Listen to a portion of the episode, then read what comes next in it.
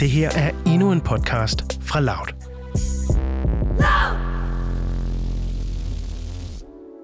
Okay, det er helt sindssygt.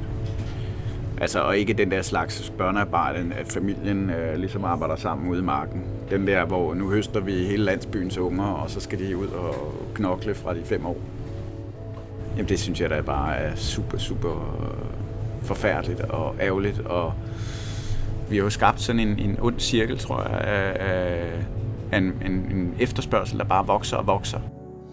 Chokolade, julekalender, marcipan, vaniljekranse, risalamang, brændte mandler. Jeg har svært ved at forestille mig en jul uden julegodter. Maden er noget nær det vigtigste ved julen og julehyggen herhjemme.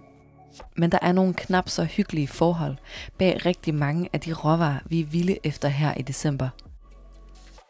På Danwatch har vi tidligere i år set børn ned til 8 år arbejde i kakaoplantager i Elfenbenskysten, og for år tilbage også på vaniljefarme i Madagaskar.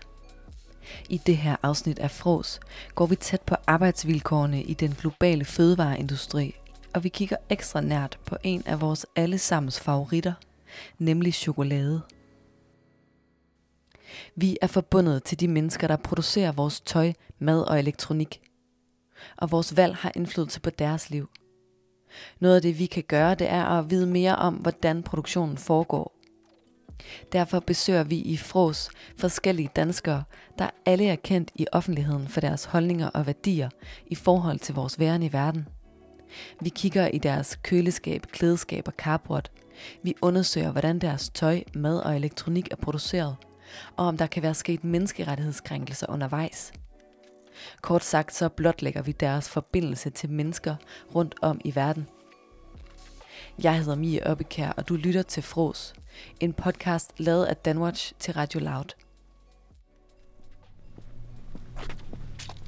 Jeg er på vej hen til smørbrødsrestauranten Åmans 1921 i København. Ikke for at spise, men for at tale med indehaveren Adam Åman. Adam er blevet udnævnt til smørbrødskonge. Han er kok, restaurantindehaver og kogebogsforfatter. Og så har han i programmet Madmagasinet på DR rejst rundt i Danmark for at udfordre danskernes smagsløg og forsøge at få flere grøntsager ind i køkkenerne. Han taler for, at råvarer og madvaner skal være gode og sunde.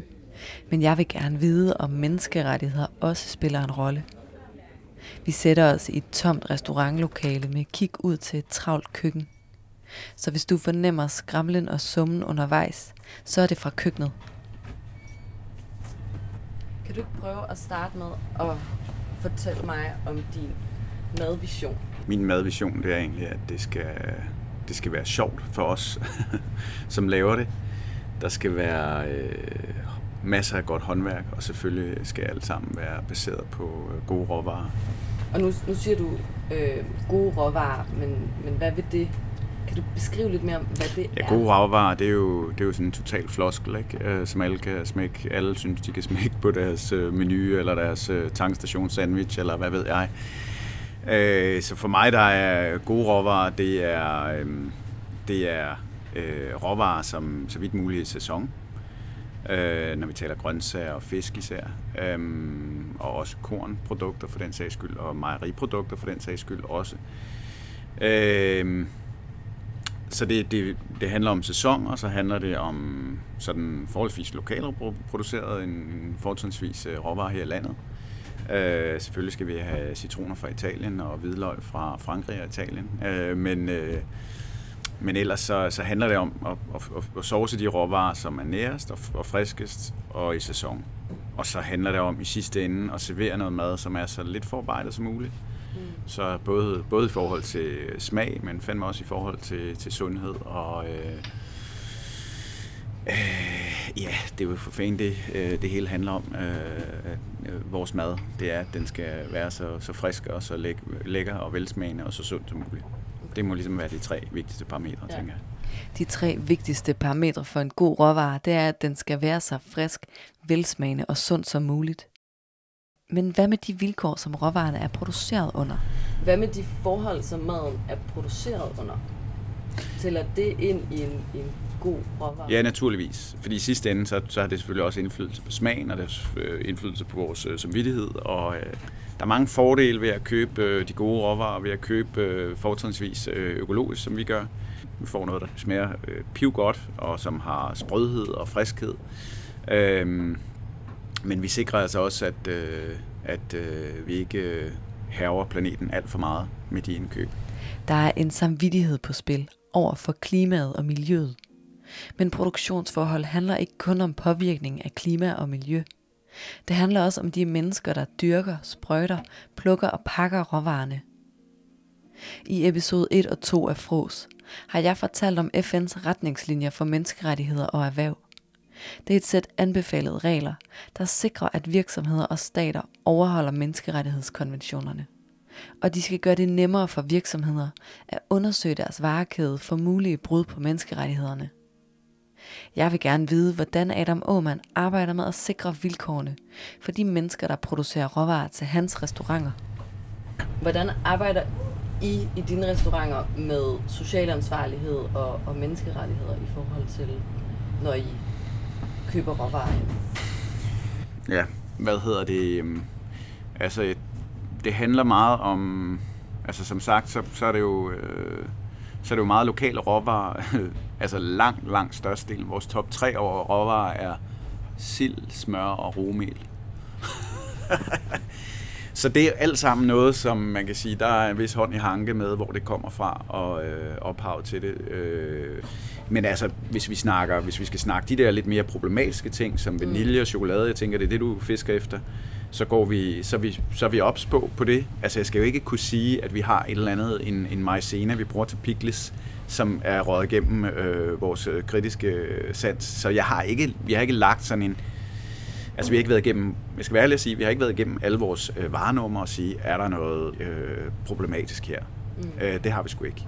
Men alle vores hovedprodukter, dem har vi stor fokus på. Og man kan sige, dem som vi aftager i stor stil, har vi, øh, og dem vi bruger mange penge på, øh, har vi fokus på. Og jeg tænker, det er også der, hvor forskellen alligevel er størst. Hos Åmans laver de klassisk dansk smørbrød og bruger mest danske råvarer. Men nogle ting kan vi ikke dyrke herhjemme. Eksempelvis vanilje, kaffe og chokolade. Og netop de her råvarer har vi ofte set være forbundet med menneskerettighedskrænkelser. Jeg vil selvfølgelig gerne vide, hvordan Adam konkret er ops på lige præcis de her råvarer. Vores øh, vanilje og vores chokolade og vores kaffe er øh, fair trade øh, certificeret. Så det er ligesom, at I er opmærksom på de her risikoråvarer, som, som er vanilje, chokolade, kaffe. Ja, ja. Altså det er, jo, det er jo ligesom de der obvious, det er det, det, det, det, det mest almindelige, så det er dem, vi har mest fokus på. Jeg skal, som sagt, jeg skal ikke kunne sige, at vi ikke har et eller andet lille mærkeligt produkt et eller andet sted. Som, men men mm. altså en kanelstang for eksempel, øh, vores, vores, øh, det, det er nok forholdsvis generisk, vil jeg sige. I 2015 dokumenterede Danwatch gældslaveri, børnearbejde, farlige pesticider, manglende beskyttelsesudstyr og fravær af arbejdskontrakter på kaffeplantager i Brasilien. Året efter der rejste vi til Madagaskar, hvor størstedelen af verdens vanilje bliver produceret. Her så vi ligeledes børnearbejde og mennesker låst fast i bundløs gæld. Og kakaoplantagerne er ingen undtagelse. Her har vi så sent som i juni 2020 set børnearbejde i plantager i Elfenbenskysten, der på verdensplan står for den største eksport af kakao. Jeg spørger Adam Aumann, om han kender til nogle af de her menneskeretslige problemer, der ligger bag vores chokolade. Altså hvis vi kan snakke chokolade, så er det jo helt, det er jo det, er jo det bedste eksempel på, øh, hvor øh, altså øh, moderne slavehandel, ikke? Øh, alle de historier, vi har hørt, og vælger at vende døve ører til, når vi står og fylder os med marbu, og hvad ved jeg, øh, af de her øh, sneakers, og øh, hvad der ellers er lavet af, af virkelig, virkelig taglige chokoladeprodukter fra den laveste og billigste hylde af de her kakaoproducenter. Trods alt er der stadigvæk en, en, en, en mindre del kakao i de her produkter, men de er jo, altså det, det kan man jo sige sig selv, hvis du køber sådan et, øh, en halv kilo, sådan en plade på et halvt kilo Marabu der til, hvad ved jeg, jeg ved sgu ikke, hvad sådan en koster, øh, 30-40 kroner, så, øh, kan man jo, så er det jo ret indlysende, at øh, både råvarerne er dårlige, og at de folk, der har fået den frem til dit netto, eller hvor du nu har købt den, heller ikke er blevet behandlet ordentligt. Hvorfor tror du så, man køber den chokolade alligevel, hvis man...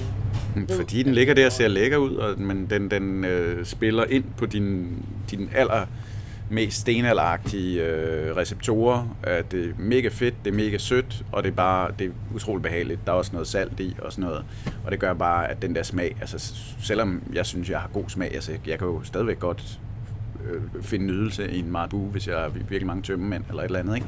Altså, så du kan jo godt... Øh, altså, så det tror jeg godt folk, så den nydelse, den kan godt overskygge det der, og pladen ser pæn ud, og øh, industrien, de må jo også leve op til nogle krav, øh, ikke? Altså, og sådan noget. Så jeg tror folk, det, det, det finder, det synes folk egentlig ikke, at deres øh, ansvar, tror jeg. Jeg tror, det er lidt lækkert. Det er ikke så meget vores ansvar, vi skal navigere i alle mulige øh, mærker af certificeringer af forskellige arter, ikke? Mm. Adam ved godt, at der er problemer med kakaoproduktionen. Alligevel kan han godt selv finde på at spise et stykke billig chokolade. Og det kan jeg helt ærligt også. Det er en slags guilty pleasure, og jeg undskylder det med, at det sker sjældent. Men jeg føler mig altså lidt skyldig hver gang. Mener Adam Mund, at jeg og alle andre forbrugere er ansvarlige for det her? Synes du, det er folks ansvar? Altså forbrugerens ansvar? Øh, nej, det synes jeg faktisk heller. Altså, altså hvis du er en oplyst person, og du, øh, altså, hvis du er veluddannet, oplyst person, øh, som har en vis indkomst, ja, så synes jeg, skulle du er forpligtet til det. Men overordnet set, så nej, så synes jeg, vi har skabt et samfund, hvor at, øh, eller en, en, en struktur, hvor at, at man tillader virksomheder at øh, virkelig agere skidt. Ikke? Så dem, der laver kvalitet og virkelig opfører sig ordentligt, jamen de har det utrolig svært konkurrencemæssigt. Deres produkter bliver svimlende meget dyre. Øh, så du kan se dem, der laver virkelig god chokolade, og som ikke er Marabu, og jeg ved sgu ikke, hvad de ellers hedder. Nu bliver det meget Marabu det her, men øh, altså, de kan jo sælge forholdsvis velsmagende chokolade til ingen penge i forhold til dem, som, som holder sig til, til øh, ordentlig øh, opførsel og, øh, og råvarer ikke mindst. Og også, i, også ikke kun mennesker, men også øh, natur. Ikke? Overordnet set har forbrugerne ikke et ansvar, siger Adam Aumann. Og han synes ikke, at man skal forvente, at forbrugere skal kunne gennemskue de certificeringer og mærkninger, der er på pakkerne med chokolade. I hans virksomhed bruger de netop certificeringer som pejlemærke, når de indkøber råvarer. Men det er faktisk ikke altid, at de her certificeringer er nok – i sommer der undersøgte min kollega Louise Voller en af de mest udbredte certificeringsordninger, nemlig Fairtrade, som også er den mærkning Adam Aumann går efter, når han køber vanilje, kaffe og chokolade til sine restauranter. Organisationen bag Fairtrade skriver på deres hjemmeside, at de arbejder for, at bønderne modtager en færre pris for deres råvarer, og at råvarerne er produceret under ordentlige forhold, der både tager hensyn til mennesker og miljø. Men da Danwatch besøgte Elfenbenskysten, der var der børn, der arbejdede i kakaoplantager, også med Fairtrade-mærkning. Altså nu nævner du Fairtrade. Øh, inde på Danwatch øh, undersøgte min kollega for nylig, om Fairtrade og deres chokoladefarme levede op til det, de mm. lovede. Ja, hun, øh, hvad fandt hun ud af? Vi besøgte i alt 10 plantager, hvoraf 6 produceret til Fairtrade – og på fire ud af de her seks plantager, der mødte vi børn, der arbejdede. På sin vej fra plantagerne til producenterne, der bliver kakaobønderne blandet sammen med bønder fra andre plantager. Derfor ved jeg ikke, om de kakaobønder, der er plukket af børn, er havnet i Adam Omans Fairtrade-certificerede chokolade. Men jeg fortæller ham alligevel om, hvad vi fandt ud af om Fairtrade. Okay, det er jo helt sindssygt. Altså, og ikke den der slags børnearbejde, at familien øh, ligesom arbejder sammen ude i marken. Den der, hvor nu høster vi hele landsbyens unger, og så skal de ud og knokle fra de fem år. På kakaoplantagerne, der mødte vi børn ned til 8 år. Blandt andet Alex, der gik rundt og ryddede ukrudt med en meter lang knivskarp machete. Det er ham, der taler her. Machete.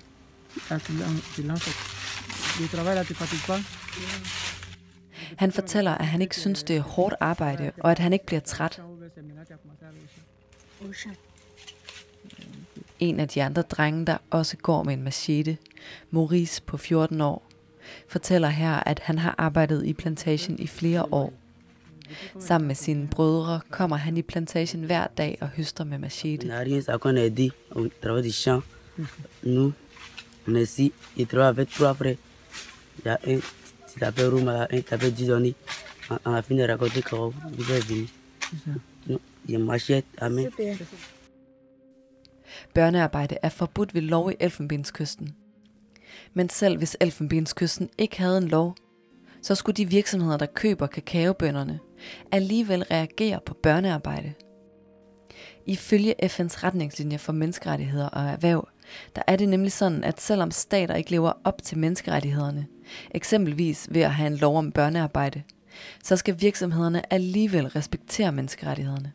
Det vil sige, at de skal gøre alt, hvad de kan for at sikre, at for eksempel børn ikke arbejder noget sted i deres varekæde. Vi har forholdt Fairtrade vores fund af børnearbejde. De fortæller, at de arbejder for at undgå børnearbejde, men at de ikke kan garantere, at det ikke forekommer. Hvad, hvad tænker du om det? Ja, tak. Jamen, det synes jeg da bare er super, super forfærdeligt og ærgerligt. Øhm, tænker jeg umiddelbart. Jeg spørger Adam Åman, hvad han mener, vi skal stille op med den her slags problemer. Vi har, vi har jo skabt sådan en, en ond cirkel, tror jeg, af en, en, en efterspørgsel, der bare vokser og vokser på nogle varer, som er meget øh, svære at producere, og som virkelig kræver meget øh, manpower i nogle lande, hvor det også er sværere at kontrollere. Så, øh, så vi har jo bare vendet os til, at vi vil have, vi skal, vi skal kunne vælge lige det, vi vil have, når vi vil have det, Øhm, ligegyldigt hvad. Vi må ikke løbe tør for chokolade, vi må ikke løbe tør for kaffe, vi må ikke, der er ikke den vare, vi må undvære 24-7. Sæsoner og alt det der, det, det er jo ophørt, hvad sådan noget angår. Ikke? Så jeg tror, altså, det helt store skifte, det kræver nok, at altså, vi bliver flere og flere mennesker, så vi kan ikke blive ved med at forlange det, vi gør nu. Det tror jeg simpelthen ikke på. Så jeg tænker, at vi må vende os. Der er nogle ting, vi nok i fremtiden bliver nødt til at vende os af med, hvis det her det skal blive bedre. Og så igen fokusere lidt mere på, øh, i endnu højere grad på de øh, ting, der er omkring os. Og så skal der lægges et politisk pres, mener Adam. Der skal nok nogle interesser og nogle penge bag for virkelig at oplyse folk om, hvor slemt det her er. Øhm, og så skal der jo lægges pres på politikerne. Og hvem kan lægge pres på politikerne? Det kan journalisterne, og det kan sådan nogen, som står i front for vores madkultur, måske også herhjemme, sådan nogen som mig selv, og så videre. Så, så, så øh, altså, for jeg synes, det er dybt forfærdeligt. Øh, og, øh, og man kan sige, når man som jeg har, har baseret sin forretning og sin, sin levebrød på øh, at stoppe, det er jo rugbrød, der lige, øh, rugbrød, der lige bliver skåret. Hvad skulle jeg til at sige? Øh, jeg skal da også øh, lige ruskes igennem, for jeg sidder der også nu og begynder at tænke på, hvor øh, kan der være steder? Har jeg, har jeg helt styr på min, øh, min leverandør? Og det er, jo, det, er jo, det er jo det, du skal balancere, når du har en, en forretning. Øhm, også udover at du gerne vil skabe gode oplevelser, så er det jo også, altså hvis du bare siger, at det hele det skal være, det skal være, skal leve op til alle parametre, så, øhm, så kan det både blive, blive, altså, så kan du ende op med ikke at have nogen forretning, og så ender du op med ikke at kunne ændre noget som helst. Og men vi, vi er kommet længere. Folk er blevet nemmere at, og, øh, at skubbe derhen, hvor vi gerne vil have dem. Også fordi vi også er blevet gode til at udvikle den smag og få meget umami og meget mm, alt det, der tilfredsstiller mundhulen, når man spiser det. Øh, i grøntsagerne, hvor vi bruger alle mulige tricks, som øh, du ved, øh, fermenterede øh, ting og øh, hvad hedder det, øh, øh tørrede tørret svampepulver og alt muligt, og lidt, en lille smule gærekstrakt kan du faktisk også øh, igen narre og få noget, eller narre, ikke narre, men altså simpelthen bidrage med, med virkelig meget øh, umami. Her kom der et godt råd til at gøre grøntsagsretter ekstra smagfulde. Og Adam giver også et par råd til, hvordan vi i juletiden selv sikrer os, at vores råvarer er produceret ordentligt. Og det er blandt andet ved at gå udenom overforbrug. I generelt med julefrokoster. Nu er der jo mange, der nok skal lave dem selv i år, når de ikke bliver inviteret ud af firmaer osv. Øh, så øh, kan man jo bruge øh, tiden, øh, hvor man nu ikke skal rundt og besøge en hel masse på at, at lave sin egen julemad. Og vi har jo det der, vi har jo den der tradition for, at en julefrokost, den skal bune af mad. Og det er nærmest ikke muligt for nogen af os at spise sig igennem alle de retter, der er på sådan en. Så der vil jeg sige, så lav færre retter, og lav dem bare pis godt. Jeg vil sige, de fleste af os, hvis vi har lavet nogle virkelig gode sild, jamen, så er vi jo nærmest allerede med det, når vi er færdige med dem. Så lav en eller to super gode sild med det rigtige tilbehør, og så måske lidt fisk, og så lav en god sylte eller grisen der, og så noget dessert. Altså, men når noget smager godt, så har man lyst til mere af det. Så fokuser på få, men gode ting. Bruge gode råvarer, siger Adam Åman. Og så kan du jo overveje, hvad det indebærer. Men som vi har set det med Fairtrade, så kan vi altså ikke stole blindt på, at organisationerne bag certificeringsordninger, de holder, hvad de lover. Hvis du gerne vil vide mere om, hvordan dine yndlingsråvarer, de forbinder dig til mulige menneskerettighedskrænkelser, så start med at se, hvor i verden råvarerne er produceret. Og derefter kan du google produktionsland plus råvarens navn eller mærke, og se hvilke sager du får frem. Internationale fødevarevirksomheder har ifølge FN's retningslinjer for menneskerettigheder og erhverv pligt til at undersøge, om der sker menneskerettighedskrænkelser i deres varekæde. Og de har pligt til at skrive en rapport om de risici, der er i deres produktion. Den kan du også prøve at finde og læse. Det er svært at få store virksomheder til at tage ansvar. Men noget af det, vi kan gøre, det er at vide mere om, hvor tingene kommer fra, og hvordan de er produceret. Hvis du gerne vil læse mere om virksomhedsansvar, FN's retningslinjer og produktionsvilkår i det hele taget, så kan du gå ind på danwatch.dk. Du kan også skrive til mig på mob hvis du har en idé til noget, som jeg skal undersøge.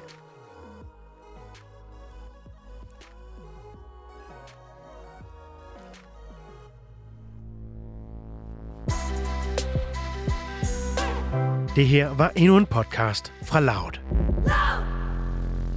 Hvis du kunne lide den her podcast, så vil du måske også kunne lide denne her.